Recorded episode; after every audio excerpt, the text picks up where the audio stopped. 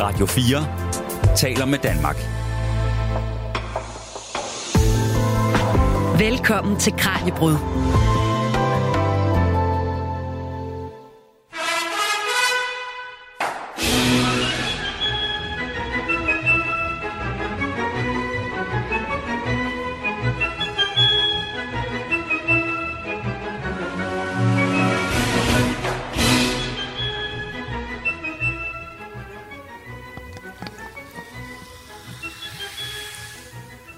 Det til mig, Peter? Det er til dig. Tak. Og der kommer en til dig også her, Maja. Skål. Tak for det. Skal jeg passe på, at det ikke bruges over.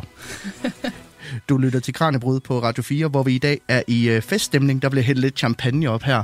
For i dag, der markerer vi nemlig program nummer 1000 af Kranjebrud. Så det er i sandhed en festdag. Nu har vi øh, poppet øh, proppen på champagnen, og kan passende starte med at skåle lidt. Skål. Skål. Jeg hedder Peter Løde, og i studiet har jeg fået selskab af mine to kollegaer fra programmet. Emma Holtet og Maja Jensen. Og jeg har jer med i studiet i dag for at markere det her jubilæum med maner. Derfor så kommer dagens kranjebrud måske også til at stikke lidt ud i forhold til, hvad man ellers er vant til fra os af. Vi skal blandt andet se tilbage på nogle højdepunkter, nogle af de bedste programmer, som vi tre vi har lavet. Og så skal vi tale lidt med nogle af de tidligere værter på programmet og høre lidt om både, hvad de laver den dag i dag, og hvad de synes, der var sjovt at lave ved programmet. Og så skal vi undersøge det her med jubilæer en lille smule i selskab med religionshistoriker øh, Marie Vejrup. Og det, øh, det skal vi jo, fordi at vi her i Kranjebrød ikke rigtig kan dyre os for, selvom det er et jubilæum, lige at, at prøve at undersøge det her fænomen en lille smule bedre. Og jeg tænker faktisk, at vi kan starte med at høre lidt fra netop Marie Vejrup, fordi hun er jo det, man vist godt kan kalde en af vores gode venner af programmet. Hun er lektor i religionsvidenskab på Aarhus Universitet, og jeg kunne se, at hun i hvert fald har medvirket 12 gange i programmet i løbet af de første 1000 afsnit. Og øh, jeg havde egentlig inviteret hende i studiet, som nævnt, for at forstå, hvorfor vi overhovedet føler, at vi skal stå her med champagne og fejre sådan en mærkedag som i dag. Men i den forbindelse, så øh, kunne jeg heller ikke lige styre mig for at, at høre hende lidt ind til, hvorfor hun bliver ved med at sige ja, hver gang vi ringer og spørger, om hun har lyst til at være med i programmet. Og prøv at høre, hvad hun, hvad hun sagde her. Det er simpelthen et format, hvor der er for det første en rigtig god redigeringsproces. Det er altid luksus, når man som forsker skal sige noget, at man får noget hjælp til det. Men også, at der er tid. Øh, normalt, når man udtaler sig til medierne, så er det et vilkår. At det kan være under et minut, eller det kan være en sætning. Øh, og det er jo også fint, men det er bare fantastisk at få lov til at komme i dybden med ting øh, i et format, som har plads til, at man interesserer sig for nuancer og perspektiver. Hvad, betyder det for, for forskningsformidlingen, at man på den måde har, har tid til også at, at dvæle og tage nogle af de her nuancer og arbejde bajs med? Det er ekstremt vigtigt, fordi det er jo noget af det, som vi tit oplever. Vi sidder i vores forskningsprojekt, hvor vi jo måske også går meget i detaljerne med nogle ting og nuancerer, men det er med at kunne komme ud med det i et format, hvor altså, som er nysgerrigt. Jeg tror, det er det, som har været øh, noget af det, jeg virkelig har sat pris på, det er, at der er simpelthen en, en ægte nysgerrighed, som bygger bro mellem, hvad jeg sidder og laver, og hvad man kunne synes som er interessant. Og så selve formatet med, at det ligger inde som nogle podcast, man faktisk kan linke til, hvor man, hvis man er i nyhederne, eller øh, det er sådan meget hurtigt, så er det væk igen øh, i løbet af nul. Ikke? Og her kan man faktisk også bygge et øh, portfolio op som forsker og sige, jamen jeg har faktisk de her øh, podcast liggende, som andre også kan finde. Så, så det, det lever også op til det, som jeg, jeg ligesom har brug for som forsker. Og du har jo været med i en del gange, som jeg nævnte. Altså faktisk så allerførste gang, du var med, det var inden for den første uge, at, programmet blev, blev født. Kan, hvad, kan, kan du huske noget fra, fra den første gang, du var med? Ja, altså det var jo ret vildt. Jeg har aldrig prøvet øh, at være med på et medie, der var helt nyt. Og så var det jo også et medie, der var meget opmærksomhed omkring. Det har været kæmpe drama og alt det her med det her øh, nye, øh, øh nye radiokanal. Øh, og det var jo vildt at komme ind på en redaktion, hvor der samtidig med, at man kom ind, så kom der folk ind og slæbte de nye stole ind, og folk vidste ikke, hvor tingene skulle være henne. Og, altså, der, var ikke, der var ingen andre, der rigtig vidste, hvad der, hvad der foregik. Øh, men selve det at optage det, øh, det foregår jo, jo som det skal, men det er jo klart, at sådan et program undergår jo også en kæmpe udvikling, når tingene falder lidt mere til ro. Så det var sjovt at være med, øh, men det var tydeligvis også sådan lidt en pionertid, hvor tingene også lige skulle finde deres form. Og nu er du så også med i, i afsnit 1000 af, af, programmet. Kan du mærke nogen, øh, nogen forskel på, nu har du været med løbende i, Ja. i løbet af alle årene, kan du mærke nogen forskel på altså programmet, som, som det var første gang, du var med, og så at være med i det nu? Altså helt sikkert, det er jo bare en kæmpe forskel. Jeg tror også, fordi selve mediet var nyt. Altså man, man udkom jo ikke bare med et nyt format, det var jo simpelthen selve altså, bygningen, som sagt, ingen vidste, ligesom, hvor de var henne og hvad der foregik, hvordan man skulle komme ind og ud af dørene og sådan noget. Øhm, det man kan mærke er jo det her med, at det har fundet sin plads, også fundet sin plads som et vidensformat. Øh, Jeg tror altid, det er nogle overvejelser, når man skal formidle forskning. Hvad er et vidensformat egentlig? Øh, Og der har det fundet sin plads, og har jo også øh, skiftet værter undervejs og fundet forskellige profiler. Men jeg tror, det, som har været fælles, har været den her nysgerrighed, uanset hvem øh, værterne har været det her med. Øh, hvad er det egentlig? Altså, hvad er det egentlig, der er spændende ved det, du laver? Og det er jo kæmpe luksus. Altså, det er jo bare fedt. Det er jo det, man gerne vil spørge sig om. Og senere i programmet, der gør Marie Vejrup os altså også klogere på, hvorfor vi fejrer blandt andet runde fødselsdage, bryllupsdage og jubilæer som afsnit 1000. Du lytter til Radio 4. I Kranjebrud i dag, der kigger vi tilbage på de forgangne 3,5 år her i studiet. For i dag, der runder vi nemlig Kranjebrud nummer 1000. Og øh, derfor, der har jeg fået selskab af mine to medværter her i studiet, Emma Holtet og Maja Jensen. Og jeg har jo bedt jer hver især medbringe et klip fra et program, som I har lavet, som I synes godt kan, kan tåle at blive genlyttet. Og Emma, jeg tænker, vi skal starte med, med dit. Kan du prøve at forklare, hvad det er for et, øh, et klip, du har taget med? Jo, altså det er, øh, det er et klip, hvor vi er ude i studiet, fordi det gør vi jo også nogle gange her i Kranjebrud. Ja. Og øh, der var jeg på besøg i Kattegat-centret, og havde allernådigst fået lov til at sige hej til deres nye blæksprutte. Den var ikke engang kommet ud blandt publikum endnu. Den boede om backstage, mens den sådan vendede sig til, til livet i akvariet. Og øh, jeg havde virkelig, altså jeg havde virkelig glædet mig til det. jeg havde set sådan, øh, den der Soul of an Octopus på, på Netflix, og havde læst en bog, der hedder En blæksprutte sjæl, og troede virkelig, at det her det ville være sådan en, et moment, hvor, hvor vi connectede. Men øh, det gjorde vi så på, øh, ja, måske en lidt mere sådan øh, konkret måde, end jeg lige havde regnet på. Skal vi prøve at høre det? Ja, lad os Så gøre det. den får lige lov til at hilse på mig, og Ja, så får den altså noget mad. Det er vel det, den også sidder og venter på i virkeligheden, Ja, ikke? ja, det tror jeg da. Og hils på dig. jo. Ja, jamen Ja. det, jeg er godt nok spændt. Altså, det er altså virkelig lidt vildt, det her. Det synes jeg. Okay. Prøver jeg så se her. Prøver lige at styre både mikrofon og akvarie her. Nu prøver jeg at sætte hånden ned, så. Uh, jeg kan godt mærke, at den puster vand. Ja. Ja, Uh. Okay, den suger hårdt fast. nu vil den gerne have fat i dig. Uh, ej, ej, ej, ej, det skulle jeg ikke. Det er fint, det. Øh, lytterne kunne ikke... Øh, det er mig, jeg gik fuld on i panik. Og smed nærmest... Øh, den sugede Den virkelig suger til. med og så løfter den jo hulen, for det suger den jo også fast i. Det er Ja. bare et PVC-rør, vi har liggende nede i. Okay. Øh, men øh, Puh, jeg var bange for, at jeg der var gjorde noget mad, som den gerne ville have med ind og undersøge lidt nærmere. Dine fingre, de dufter. Det er jo ikke fordi, vi har aldrig nogensinde oplevet, at de har bidt os. Øh, men ellers så er det jo sundt nok at have en respekt for det her næb herinde, som vil være det næste instans. Men du kan jo se, den kigger Ja, jeg følte, jeg følte jo næsten, at det var der, den var på vej ind med min hånd, ikke? Altså, Men der er det jo med, at de, de behøver ikke at smage med munden. Hvor hejerne, jamen det er jo der, de undersøger med, med bisserne, Ja. ja. som giver skade. Her, der har den undersøgt inden, så det er lige så meget, hvad er det for noget, ind, og jeg skal undersøge det nærmere. Så derfor den holdt lidt mere fat i dig, jeg var lidt mere ivrig. Øh, du smagte måske også bedre, til at den skulle undersøge det lidt nærmere. Du, du tyrer simpelthen en blæksprut. Jeg var oprigtigt bange for, om jeg var altså, kommet til at slå den ihjel eller et eller andet. Altså, I hvert fald skade den, ikke? Hvorfor har du taget det med? Jamen, altså, fordi jeg tænkte, når vi har gæster med i studiet, så får vi jo ligesom lov til at komme ind i forskningens maskinrum ved, at de fortæller om deres forskning, men der er jo også det her med, at vi også kommer ud steder og kommer, altså som i her Kattegat det var virkelig bogstaveligt talt i maskinrummet, og en blæksprutte, som ikke engang altså, havde fået lov til at møde offentligheden endnu. Så der er jo også institutioner, der på den måde lukker os ind, ikke?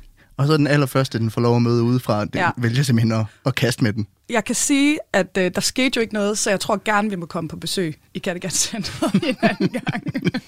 De tog det meget pænt. Og det var altid noget.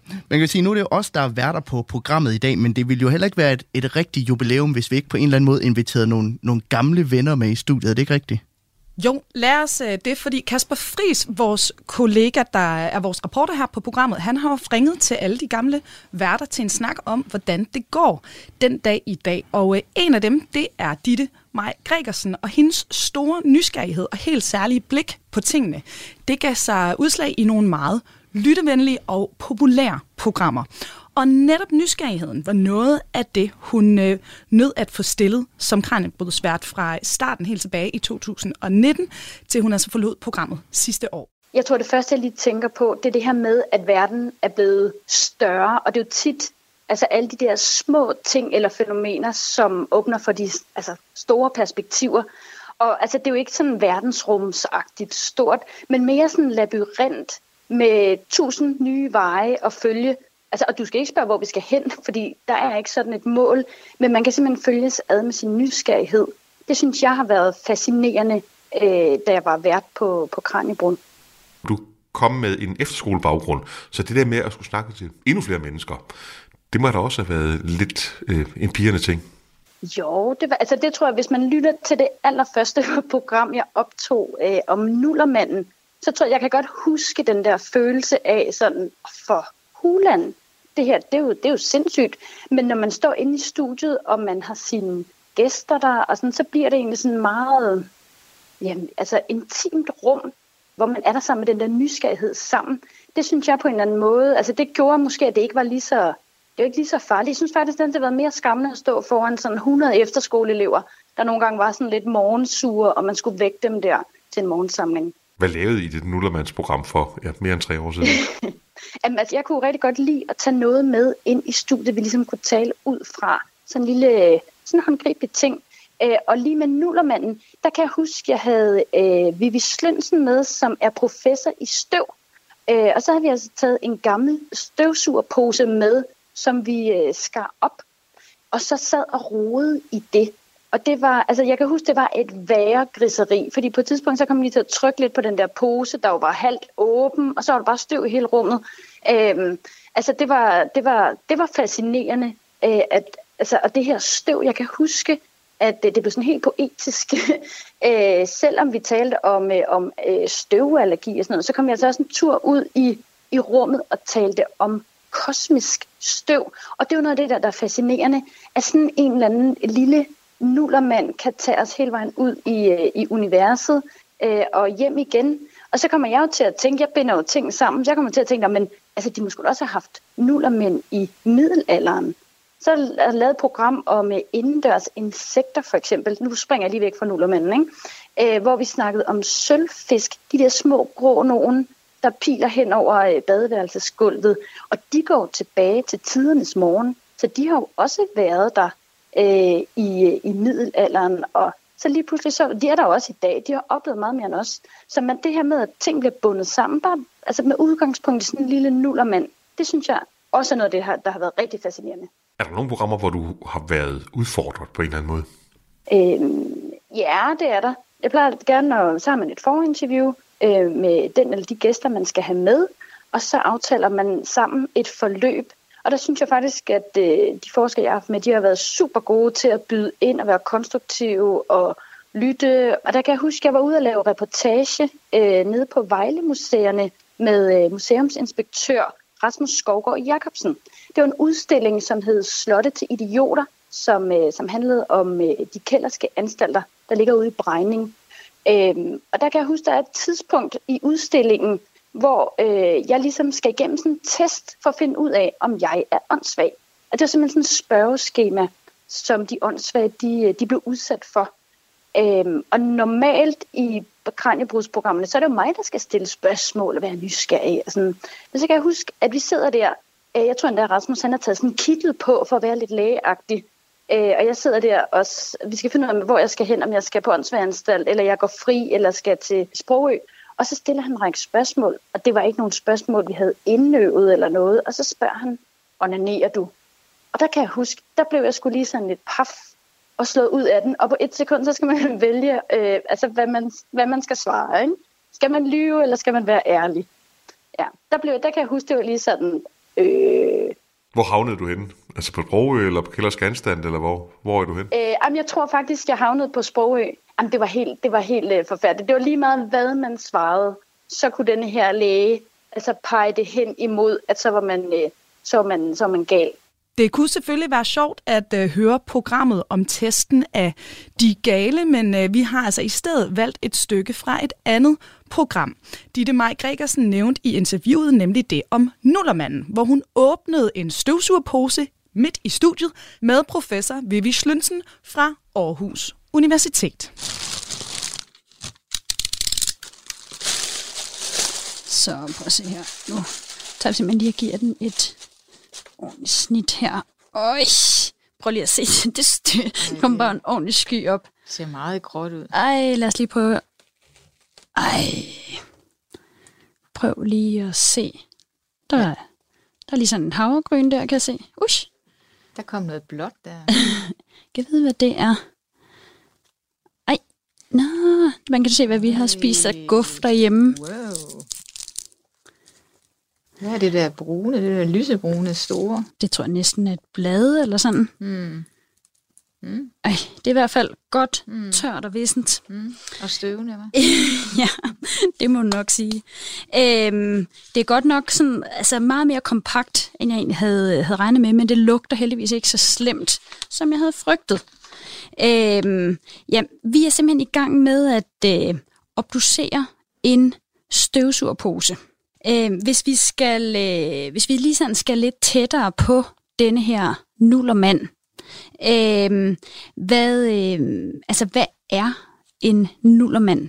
Altså, en, som du siger, så er det jo tit tæt på gulvet. Øh, og det er fordi en nullermand, den består mest af lidt større partikler, lidt større ting og fibre, som ikke svæver i luften ret lang tid, men er nede ved gulvet. Så det er, det er ikke tilfældigt, der er flest nullermænd i vores soveværelse. Øhm, og og det, det er fordi, at øh, der kommer en masse ting fra vores sengetøj, fra vores tøj, øh, rester fra hud. Vi afgiver en masse øh, rester. Øh, så, og så kan der være støv øh, fra, hvis vi har husdyr, eller som sagt fra madlavning, som også gemmer sig i den der nullermand. Men for en nullermand er en nullermand, så skal der være nogle større ting, nogle større fibre fra for eksempel vores tøj. Og hvis du vil høre mere om Nullermanden, så kan du altså finde det i arkivet over Kranjebrugsprogrammer, som du finder både på Radio 4's hjemmeside og i din app. Du skal bare kigge efter november 2019. Du lytter til Kranjebrud på Radio 4. Og i Kranjebrød er vi i fuld gang med at fejre et vaskeægte jubilæum. Vi har nemlig rundet et af de helt store tal her i programmet, nemlig 1000 afsnit. Og derfor så er vi alle os tre værter samlet i studiet for at fejre den store dag. Og som jeg nævnte tidligere i programmet, øh, Maja og Emma, så mødtes jeg jo forleden med Marie Vejrup, der er lektor i religionsvidenskab på Aarhus Universitet. Og vi mødtes for at tale om, hvorfor vi egentlig har det her behov for at markere jubilæer i alle dens afskygninger. Og hun fortæller, at de her ritualer, de faktisk til dels handler om at sende et signal. Det ritualerne kan, og overgangen kan, det her med at kommunikere. Det tror jeg virkelig ikke, man skal undervurdere. Der er nogle rigtig store øh, ritualforskere, der som virkelig peger på, det er det, det handler om. Vi fortæller os selv, hvem vi er, og vi fortæller verden, hvem vi er. Det er det. Så der er simpelthen også en identitetsskabende, øh, opmærksomhedsskabende ting, udover sådan at, at, at håndtere forandring. Og det tror jeg virkelig. Altså, når man fejrer sig selv, så er det en kommunikationshandling. Det er noget om at fortælle, hvem man er til nogle andre, og til dem, man identificerer sig med. Tror du også, det har det, når vi, når vi sådan markerer afsnit 1000 her? Nu starter vi jo faktisk mm. det her interview med at netop at tale om, hvorfor det her program er fedt. Altså, ligger der noget i det, at, at det er en oplagt mulighed for os at tale lidt om sig selv? Helt sikkert. Altså, det handler helt sikkert om at fejre sig selv, men også om at kommunikere. Altså, det er jo også at, altså, det er jo en oplagt ting i markedsføring. Noget af det, som øh, jeg i min egen naivitet i, i, i min ungdom, da jeg var kassedame, så i min naivitet, så spurgte jeg engang, øh, jeg kan ikke forstå, har vi allerede fødselsdag i brusen igen? Og så grinte de jo bare øh, indtil de døde, de andre, fordi det er jo kunstigt. Det var jo ikke en rigtig fødselsdag. Det var jo en grund til ligesom at reklamere og lave nogle bestemte tilbud. Og jo, ja, altså, der ramte mig bare det der med, kan man det? Kan man bare lade som om man har fødselsdag? Så man kan sige, selvfølgelig er det også en måde at komme ud på, og så vise, også at nu er man et etableret medie, altså 1000 afsnit, det er jo ekstremt mange podcasts, der ikke får, og øh, programmer, der ikke får. Så, så det, det, det er den her kommunikationsopgave, som fejringer også har, udover bare at give noget glæde og, og sige, selvtillid til en selv. Vi har ikke markeret afsnit 900 i programmet, det er afsnit 1000, vi markerer. Så har vi behov for at komme op i de høje tal, for, før vi mener, det er, det er værd at markere mm. på en eller anden måde? Når jeg ser på vores kultur, så er det danske samfund et af de samfund, hvor det her med at, at være gammel altså at kunne tælle det i tusind, og det er noget, man virkelig sådan bryster sig af, ikke? Også, altså, altid, når man snakker om kongehuset, så er det altså det tilbage til Harald Blåtand, og du ved, jeg kommer selv fra Ribe Katedralskole, der har en evig fejde med Aarhus om, hvem er ældst, altså, vi kan godt lide det her med, at, fordi vi har, vi har noget alder at komme med. Hvor hvis man er en mere moderne, nu kommer jeg selv fra Aarhus Universitet, der ikke øh, kan på nogen måde tæt på 1000. Så der fejrer man altså også, der 90 års jubilæet, det var altså ret stort, fordi det kan man jo ligesom være nødt til. Så jeg tror, at der er en, en tendens til, at selvfølgelig jo højere, jo bedre, jo rundere, jo bedre, øh, som, så, som vi godt kan lide, fordi vi har muligheden for det med nogle ting. Ikke? Så man, hvis man har 1000 afsnit, så kan man jo fejre det, for det er jo rigtig mange mennesker, der aldrig mm. når op på 1000 af noget, de ligesom kan markere ud i verden. Men det handler vel også om at se det relativt set. Altså nu, nu fejrer vi afsnit 1000. Vi sender så også hver dag øh, Ja. hele året rundt. Ikke? Ja, ja. Der er nogle programmer, der kun sender en gang om ugen. Og man kan også sige med, med ægteskaber og bryllupper for eksempel, der, øh, der fejrer man jo kovbryllup, sølvbryllup, guldbryllup. Men der er også flere og flere, der bliver skilt nu om dagen. Mm-hmm. Altså bliver sølvbrylluppet så mere værd, Ja, øh, fordi det der er færre og færre af dem. Ja, altså jeg, jeg vil forudse, når vi ser på den måde, traditioner udvikler sig, så sker der som regel to ting. Både at man begynder at udvikle ting, der passer til virkeligheden, og at ting stiger i værdi, som du siger. Så jeg vil forudse, at folk begynder at trække mere på de her lidt øh, mere øh, mystiske jubilæer, fordi det viser sig jo faktisk, at øh, med bryllupper, der er der jo et jubilæum hvert år, der har en ting, som man Mm, knytter ja. til, og det er meget øh, udfoldet på internettet. Øhm, sådan så sølvbryllup og guldbryllup, ja, altså hvis, hvis, hvis det går, som det går nu, så er guldbryllup noget, der forsvinder. Altså simpelthen som holder op med at eksistere som et fænomen. Så det vil blive sådan noget, der står i avisen. Nogen har guldbryllup, og så skal journalisten sige, at det er faktisk, hvis man har været gift i 50 år. Og så vil folk sige, okay, hvordan kan det overhovedet lade sig gøre? Var det en barnebrud? Altså der vil komme meget snart i vores kultur, øh, vil sølvbryllup ligesom være det vilde. Og, og, og det andet forsvinder ud som sådan lidt mytisk øh, horisont. Ja, for man kan sige omvendt nu, øh, blandt andet så får man jo brev fra dronningen, når man fylder øh, 100 år, mm. men vi lever jo også længere Ja. og længere, så det her dronningebrev, altså skal det Ja. rykkes op til 110, ja. før det er noget ja, værd? Ja, altså det er jo virkelig en kæmpe diskussion, det her inflation i, altså hvad, hvad- hvad, er vildt at gøre, ikke? Øh, og det er jo rigtigt. Øh, det er bare svært at flytte til, til 150, fordi så begynder det at blive... Men det er rigtigt. Altså sådan er det jo, og det er jo det, man skal huske med traditioner og overgang. Der kan godt gå inflation i tingene, der kan godt øh, ske ændringer, som gør, at vi er nødt til at udfordre det. Og det, øh, vi har jo set det nu med nogle af de her jubilæer, hvor forfærdeligt med corona, altså og hele det her kroningsjubilæet for dronningen, og sådan, altså hvor, altså hvor træls det bliver, når ting bliver forskudt for langt fra der, hvor, hvor jubilæet reelt var. Og så kommer der jo en diskussion, altså hvad er formålet? Ikke? Så, så det er jo ikke, ting er jo ikke sikre, fordi de øh, heller ikke, selvom de har fået 1000 afsnit. Men man kan også sige, jo flere jubilæer man fejrer, altså bliver de så også mere værd, hvis jeg inviterer dig ind Mm. igen til at markere afsnit 1100, Ja. altså så har det vel ikke den samme pondus. Nej, så skal man skrue øh, op, så skal der være sådan ligesom, så skal man begynde at gøre et eller andet for at få... Det er rigtigt, der er nogle øh, tal og nogle tidspunkter, som vil have mere øh, vægt, og vil være nemmere at gøre, til, gøre noget ud af, hvor folk vil acceptere det. Altså hvis I har gjort det med afsnit 25, så vil folk have sagt, jo, klap lige hesten, ikke? Og øh, vi vender tilbage til Marie Vejrup senere i programmet. Radio 4 taler med Danmark. Og apropos det her, som Marie Vejrup nævnte med, at jubilæer er en oplagt mulighed for at se tilbage, så tænker jeg, at vi skal høre et klip mere fra en tidligere udsendelse. Det, som du har taget med, Maja. Hvad, hvad er det, vi skal høre nu? Jamen, det vi skal høre, det er et øh, endnu en tur ud af huset, øh, som jeg var på øh, for nogle år siden i forbindelse med Halloween. Øh, jeg skulle lave et program om hjernen og uhy- uhygge. Og øh, jeg skulle tale med Mathias Klasen i studiet, der forsker i netop det, hvordan Mm. det uhyggelige, det påvirker os, både vores hjerne og vores krop. Og derfor så tog jeg med Kasper Fris, vores reporter, en tur i et haunted house, som er lavet af dem, der hedder Dystopia i Vejle. Og øh, vi fik lov til at gå, gå rundt derinde med optageudstyr på, så vi kunne bruge det som en reportage senere hen. Og øh, vi er begge to nogle bangebukser, mig og Kasper, men jeg havde alligevel ikke troet, at vi ville blive så bange, som vi gjorde. Øh, Jeg synes, du skal prøve at spille øh, det første klip her. Det er fra, mens vi går rundt inde i det her meget, meget uhyggelige haunted house. Kasper, hvorfor er det egentlig mig, der går forrest? Ah, jeg ved ikke, hvad jeg skal gøre nu. Tilbage igen. Tilbage igen. Er. Kan vi gå ind ad den her dør? Nej. Nej. Ej, jeg tager, du går forrest. Skal jeg gå for? Ja, tak. Det var rigtig klamt, det der. Nej, nej, nej, nej, nej. For helvede. Åh, oh, nej. Okay, jeg vil hellere gå forrest. Det er bedre. Det er bedre. Så ved jeg i det mindste, at... Look what the cats have dragged inside. Altså, man kan jo høre, at vi er rimelig bange øh, undervejs her, og det er lidt sjovt, fordi det er sådan en vekselvirkning mellem at skrige mm. af dødsangst, og så bagefter grine helt vildt, fordi at man selv synes, at man er lidt latterlig. Og det er faktisk også lidt sjovt og lidt spændende, men mega uhyggeligt. Og vi er også ret lettet bagefter, da vi kommer ud. Det kan man høre her. Skal vi den her vej? Ja, vi er ude. Nej. Er I okay? Nej. Åh, kæft, mand.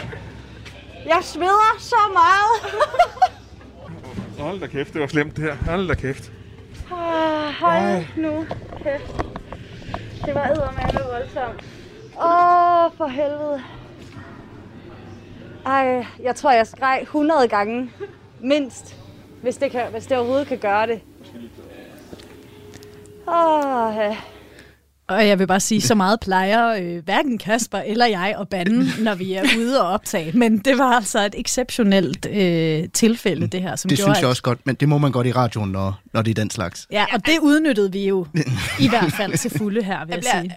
lige nødt til at sige, at jeg havde en ægte blæksprutte, der havde suget sig fast i min hånd.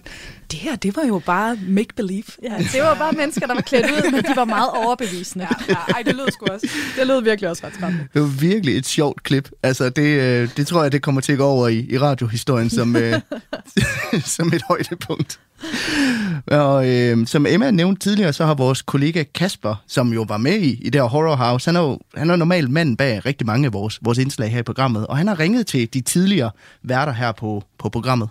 Ja, og en stemme, som de faste lyttere måske kan huske, det er den, der tilhører Emil Hoffmann Nielsen. For da Kranjebrud begyndte, der blev Emil ansat som en af værterne, og han var et kendt ansigt, mere end en kendt stemme, for han havde i en årrække lavet børneprogrammet Nørd på DRTV. Men trods den erfaring var han grundigt nervøs, da han skulle starte med sit første radioprogram. Jeg kan huske det første program, vi sendte. Det allerførste første dag, der sendte vi live. Der besluttede vi, at vi sender live. Så vi var op i studiet, og det var nærmest første gang, vi var i Radio 4 studie. Øhm, Jeg havde heldigvis en med os til at hjælpe med teknikken, men, men både Ditte og jeg var der og sendte live, og jeg var banke nervøs. Også selvom jeg havde lavet masser af, af tv, men jeg, jeg har næsten aldrig lavet live før. Er der nogle af programmerne, du husker særlig godt? Altså, der er jo i hvert fald mange temaer, som, som er fuldstændig fremragende at få lov at dykke ned i. Det er jo virkelig privilegiet som vært på et videnskabsprogram, at man kan få lov at snakke med, jo virkelig dygtige forskere om, om noget, de har brugt en lang karriere på at dygtiggøre sig i. Øh, så Sådan noget, det sådan lige kommer i tanke om det der med sådan, altså vi har lavet, jeg har lavet en del programmer om universet.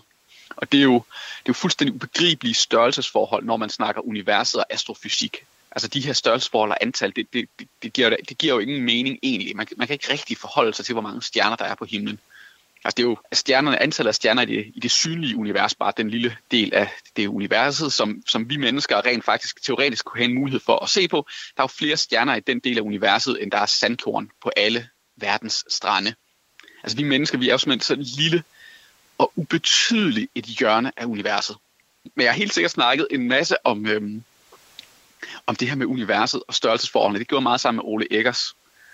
Han var en virkelig dygtig astrofysiker, som jeg har brugt øh, mange gange i programmet. Du er så ikke med øh, på programmet længere. Øh, Du forlod det her øh, i starten af 2022, fordi der var nye udfordringer. Hvad er det for nogle udfordringer, Emil? Jamen, jeg laver, øh, jeg laver videnskabsformidling på YouTube nu. Øh, det er jo som mest målrettet mod øh, børn og unge. Men, øh, men jeg har fået mulighed for at, øh, at, at lave, øh, lave en YouTube-kanal, hvor vi prøver at, øh, at skabe begejstring for naturvidenskab og teknik. Øh, det gør vi jo så ved at lave alle mulige jo, mere eller mindre ja, kloge projekter, men, men vi har lige, altså, den sidste video, vi lige har lagt op, der prøver vi at, øh, at skyde to julekugler sammen i luften. Vi skal sådan, altså bygge en kanon, trykluftkanon, hvor, hvor vi skal have to julekugler til at ramme hinanden i luften. Øhm, og det gør vi, fordi det faktisk er en meget fin analogi til, hvordan man forsker i partikelfysik på det her meget store øh, forskningsanlæg øh, CERN LHC nede i Schweiz, hvor de jo så ikke er store julekugler, de skyder sammen, men, øh, men atomkerner. Øh, og så, så, så har vi også snakket med en, en dygtig forsker om, øhm, om lige præcis det her partikelfysik. Så på den måde lige det program minder en, en lille smule om kraniebrud, fordi vi faktisk har en forsker med. Ellers så andre gange, så øh, er vi, den seneste video, vi er ved at lave færdig, der har vi bygget en kæmpe flødebold. Den vejer næsten 13 kilo. Men det giver en mulighed for at snakke noget omkring øh, krystalstruktur. Så du er i, øh, i, i samme boldgade, kan man sige, som som kraniebrud. Bare øh, taler til yngre mennesker og med lidt mere kapav.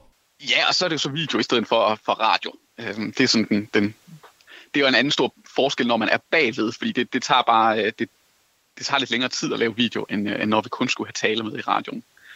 Men derfor kan man godt savne det alligevel. Ja, hvordan ser du tilbage på dine to år på Kranjebrud?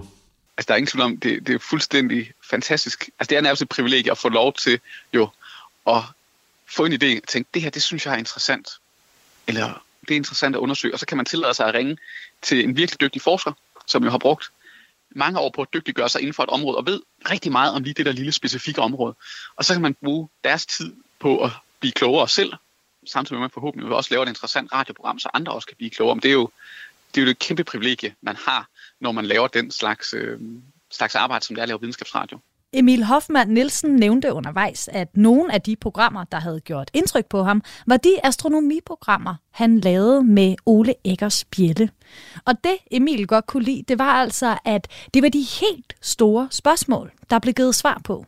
Og her får du lige en anelse fra et af programmerne, hvor Ole Eggers Bjelle får et spørgsmål fra en lytter, der ønsker at høre, hvor enden af universet er. Vi ved faktisk ikke, om universet er uendeligt stort. Okay. Det har formentlig ikke en ende, fordi vi kan heller ikke rumme den der, men det har det ende. Man har bare noget, der hedder det kosmologiske princip, som hedder, at ligegyldigt hvor du bor i universet, så ser det ensartet ud. Det, er, det kan vi se, når vi kigger ud, altså sådan på store skalaer. Alle områder i universet er fuldstændig ens. Og det vil være mærkeligt, at hvis man vil sige, herude i kanten af universet, her er det lidt anderledes. Der er der kun noget at se på i den ene retning. Alt det andet, der, der er ingen retninger. Øhm, en måde at visualisere det her på, det kunne være, at man siger, okay, hvad hvis vi boede på overfladen af en bold? På den her overflade af bolden, jamen det vil, hvis vi kun har overfladen, jamen så vil man egentlig bare kunne gå rundt om bolden. Så hvis forestil dig lysvis. vi kiggede ud i en eller anden retning, jamen så kunne lyset bevæge sig uendelig langt, fordi det kunne jo bare bevæge sig rundt og rundt og rundt og rundt og rundt. Så der vil vi aldrig have en kant. Så det vil i virkeligheden være uendelig stort. Men, men hvad så, hvis vi... Altså, jeg kan godt se, at hvis vi bor på overfladen af en bold og kigger langs med overfladen, så er den uendelig. Men hvad hvis jeg stiller mig og kigger ned igennem bolden eller væk fra bolden? Det er der, hvor det er en lidt dårlig analogi, for det må man faktisk ikke. okay. Det er kun overfladen, man har lov at kigge på. Øhm, der er kommet et, et spørgsmål mere, som ligger rigtig godt op i det, er fra Henrik. Han skriver, tak for et godt program. Hvad er der på den anden side af universet? Fordi det er jo så netop det, hvis det, hvis det har en ende, hvad er der så derude? Der, der er faktisk nogle ret sjove teorier. Som, altså, den ene, den ene den kedelige, det kedelige svar på det, det er, at der er ikke noget, fordi der er kun et univers. Men den sjove, det sjove svar på det vil være, at hvis vi går over i den generelle relativitetsteori igen, så sagde vi, at der eksisterer sorte huller i den. Der eksisterer faktisk også noget andet. Der eksisterer nemlig også et anti-sort hul. Det hedder et hvidt hul. Det er det modsatte. Det er et hul, hvor der også har den her mærkværdige overflade, men det kan, i stedet for at man kun kan komme ind i det sorte hul, så kan man kun komme ud af det hvide hul. Hvis vi køber den, som også er fuldstændig teoretisk fint i, i modellen der, så kan der opstå en bro imellem de to i rumtiden omkring det sorte og det hvide hul, som man kan rejse igennem. Det er det, der hedder et ormehul. Igen, det er også Einsteins generelle relativitetsteori. Der er ikke noget mærkeligt her. Der er ikke noget sci-fi over det. Det kommer direkte ud af teorien. Vi tror ikke, det kan, kan eksistere, men hvis de kan, så er det her faktisk en portal mellem to forskellige universer. Så så kan vi jo komme ud og undersøge, hvad der er på den anden side i andre universer. Programmet, som du hørte en bid af her, det er fra januar 2020, og alle vores nu 1000 programmer kan du høre på Radio 4's app eller Radio 4's hjemmeside. Og hvis du går i gang nu og lytter non-stop og undlader at sove, så har du altså hørt alle programmerne, når vi nærmer os april. Du lytter til Kranjebrud på Radio 4. Og øh, lad os for en stund vende tilbage til et lektor i religionshistorie, Marie Vejrup. For hende mødtes jeg jo med for noget tid siden til en snak om, hvorfor vi overhovedet har behovet for at fejre og markere de her mærkedage. Og øh, der kom vi også ind på noget, som jeg synes var ret interessant.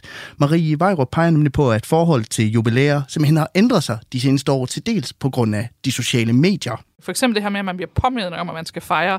Altså, der er jo en helt sidediskussion omkring, hvorvidt det, at Facebook fortæller en, at nogen har fødselsdag, hvor forpligtende er det? Så folk får jo hilsner fra folk, de ikke nødvendigvis, altså, som aldrig ville ringe eller sende et brev i gamle dage. Øh, og nu er sådan noget som LinkedIn og sådan nogle ting, de, de giver en arbejdsjubilæer, som jo er noget, øh, hvis i Danmark vi ikke sådan generelt fejrer hele tiden. Så, så der er noget selve det her med at orkestrere det via en platform. Øh, men så er der også det her med, at man kan dele. Ikke? Altså, så man kan virkelig... Øh, mm kommunikere, hvem man er, og hvordan man fejrer ting. Øh, og det er jo både fødselsdage, øh, som jo er sådan lidt konventionelle, øh, det kan være andre fester, men det betyder også, sociale medier betyder også, at der kan smitte nogle fejringer hurtigere fra populærkultur til populærkultur. Og for eksempel det her øh, med gender reveals, for Ja. eksempel. Som jo er en af de her ting. Altså det her med, at man får afsløret, hvad kønnet på ens barn er, ved en form for fest, man holder på vanvittige måder. Øh, balloner over farven, eller inde i kagen er der en eller anden farve, og det er der meget at diskutere om, hvad det øh, Det er jo sådan noget, så, når man så har set det i en video, så kan man jo dele det lynhurtigt på sociale medier, hvor før der skulle du ligesom have været i det land, eller på en eller anden måde Mm. optaget det. Så det ændrer, øh, hvad vi fejrer, og hvordan vi fejrer det, men det ændrer jo især muligheden for at kommunikere til andre, Ja. øh, hvad man fejrer. Og så er der jo nogle muligheder, især i nogle af medierne, for selvfejring. Altså, Ja. hvor du bare selv bestemmer, at i dag er det bare, altså at alting, på nogen måde er Instagram jo kun en stor selvfejring. Altså det er jo bare min lækker kop kaffe, eller min hårde regnværsdag. Altså det er en mm. stor 24 timer i døgnet selvkommunikation, øh, som andre skal reagere på på en eller anden måde, tillykke eller øve for dig. Altså, så, vi har også på en eller anden måde skabt en sådan konstant øh, mikrofejring, som jo, øh, ja, altså selvfølgelig påvirker folk. Altså det, det er klart, fordi du hele tiden ser folks følelser og markeringer i det små øh, og rundt om dig. Og jeg synes jo heller ikke, jeg kan logge på Facebook, uden at jeg bliver... Altså, så er der otte, der har fødselsdag Ja, den dag, præcis. og på LinkedIn, så er der 13, Ja. der har, der har øh, arbejdsjubilæum Ja. i dag. Altså, ris- risikerer man ikke også, at den der 25-års fødselsdag, den drukner lidt Jo. imellem alle de andre? Altså, at de. Helt sikkert. Øh, Altså, jeg har i hvert fald oplevet sådan, op, oplevet sådan en kæmpe afmatning. Altså, jeg orker ikke, og det er ikke fordi, at, at jeg ikke synes, der skal siges tillykke, men jeg begynder virkelig at tænke, altså, jeg kan jo ikke, altså hvad betyder det for folk, at jeg skriver tillykke, fordi en, en algoritme har fortalt dem. Altså fortalt mig, at, jeg har føl- at de har fødselsdag, ikke også? Altså, det er jo, der kommer sådan en form for mm, mellemting ind imellem, ikke også? Altså, er det virkelig ægte, eller er det pligt? Så det er klart, at der er øh, generelt i vores kultur sådan overload, og det kommer også et overload af fejringer. Men det betyder nok, at folk så skruer op for at gøre deres fejring særlig. Så der er sådan et form for våbenkapløb mellem øh, det her overload af fejringsinformation, og så det at gøre min fejring unik og autentisk og særlig fantastisk. Og det, øh, det, det tror jeg, vi ser, og vi har slet ikke set slutningen af den her øh, ting. Så derfor tror jeg også, at man ser nogle fællesskaber omkring det at lave sine egne fejringer, eller få nogle ting, som er vigtige. Hvad er vigtigt for mig? Og så finde nogle fællesskaber, hvor det så fylder mere, fordi der er det her overload, ikke? Ja, for man kan sige, at øh, i forbindelse med et jubilæum på, på Facebook for eksempel, altså, så må den private sfære og den offentlige sfære jo også smelte lidt sammen på en eller anden Ja, måde. Altså det, det sociale medier har gjort mest, det er at krydse den grænse, vi har altid. Også i religionsforskning gør man meget ud af her, ligesom den private side og offentlige, og så sker der det og det.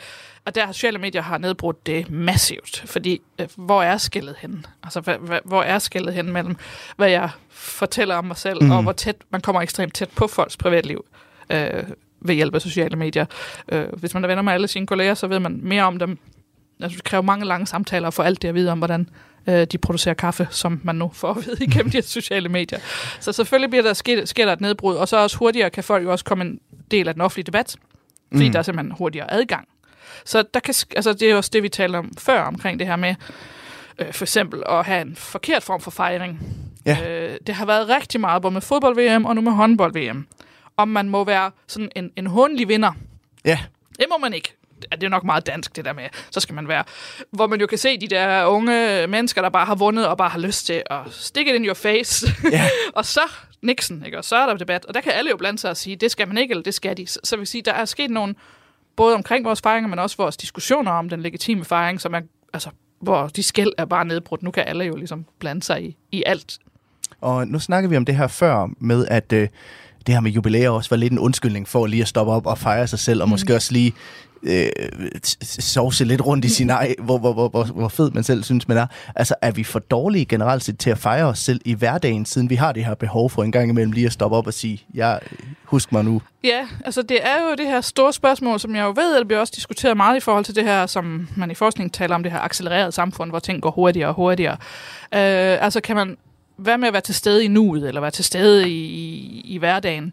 Og øh, altså, som helt personligt, så mener jeg, at det er vigtigere, og det er noget af det, som jeg nogle gange hisser mig lidt op over, hvis jeg er ude og holde foredrag det her med. øh, for eksempel, at bryllupper, det skal være den bedste dag i ens liv. Det synes jeg er en forlidt erklæring, fordi det bedste dag i ens liv, hvis det kun er en dag.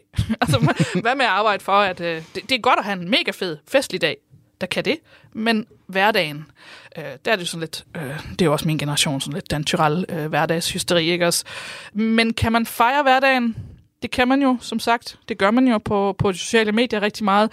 Men kan man gøre det på en måde, der, der giver den samme funktion? Mm. Altså hjælp, altså kommunikere noget værdi til en. Det, det er jo et godt spørgsmål. Kan man gøre det på en måde, der ikke fordi det bliver lille, og så er det bare mig, ikke? Altså, men vi gør det jo på nogle måder. For eksempel, når vi insisterer på i Danmark, at det er vigtigt, at folk sidder og spiser rundt om et bord. Nu er det sikkert noget, som er under pres, men vi snakker jo om det. Det er jo en fejring at lave aftensmad til sine børn og sætte det på bordet. Det er en lille fejring, men det er en fejring, der gør det samme. Kommunikerer, hvem vi er, til os selv og til andre, og øh, hjælper med overgangen mellem nu den her dag, noget hertil. Så, så uanset hvor store og små ritualerne er, øh, så, så er det det samme, de gør. Ikke? Radio 4 taler med Danmark. 1000 programmer. Det er den milepæl, som vi markerer i Kranjebrud i dag her på Radio 4. Jeg hedder Peter Løde, og sammen med mine to medværter, Maja Jensen og Emma Holdet, er jeg i gang med at kigge tilbage på nogle af højdepunkterne fra programmets tre et halvt år i luften. Og øh, jeg har selvfølgelig også selv taget et klip med i dagens anledning. Det her klip, det stammer fra dengang, da jeg havde Mia Thorborg Pedersen i, øh, i studiet, for hendes phd projekt det gik ud på noget lidt specielt, nemlig at øh, hun forskede i at bruge vandmænd som fødevare. Og i den forbindelse, så skulle vi selvfølgelig også smage lidt på de her herligheder. Har du smagt det her før? Ja, ja. Er det noget, du spiser tit? Ikke tit, men øh, fra tid til anden. Sådan der. Lidt svært lige at tilberede det her i sådan en studie her. Gør mit bedste. Så er der så den her... Øh, Sådan en nu jeg- sovs. Nu har jeg hældt dem op i en... På en øh, Og den minder ja, lidt om dem, man kender fra cup noodles, som er sådan en... Jamen, det er vel, det er vel pulver, der er i den. ja. Nå, lad os, øh, lad os prøve at, at smage ja. lidt på det. det. Det er jo, altså... Det har jo en helt speciel tekstur. Det er jo nærmest ru i overfladen, hvis man sådan mærker på det, synes jeg. Ja, Det er ja. lidt gummiagtigt. Lidt gummiak. Nogle kalder det, siger også, det er sådan et bruskagtigt, Ja. syltet agurk. Sådan, ja, det der knas, man får derfra. Og Ja. Det er jo en lang strimmel, og når man så prøver at hive i det, så synes jeg jo, det minder lidt om... Hov, nu hiver jeg den over. Men øh, det minder jo lidt om at hive i en elastik. Ja. Næsten, ikke? Øh, Så det er et godt eksempel på, hvordan man har br- brugt de her salte til at øh, transformere øh, strukturen af vandmanden fra at være det her blæverne gelé til at få, så få sådan en knasende struktur i stedet for. Lad os øh, prøve at smage på varen. Det er noget hårdere at tykke igennem, end jeg lige havde troet, faktisk. Mm. Jeg havde faktisk troet, at det ville være mere blævrende, end det, end det er. Men det, er- det er jo minder jo lidt om at tykke i en, en kopnudel, der måske ikke er kogt helt færdig. På en eller anden måde. Den knaser lidt. Ja. Ja, det er altså mig, der får smag for de bløde varer, kan man vist godt sige. Og jeg kan altså, det, smagte lidt af at, at tykke i en elastik, øh, hvis jeg skal være helt ærlig.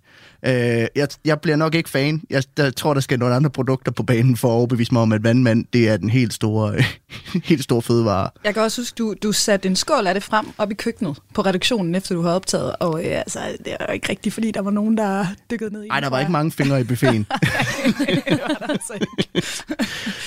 Og øh, det synes jeg egentlig er et eksempel på et af de programmer, som jeg i hvert fald synes er sjovest at lave, nemlig dem, hvor man sætter sig selv en lille smule på, på spil.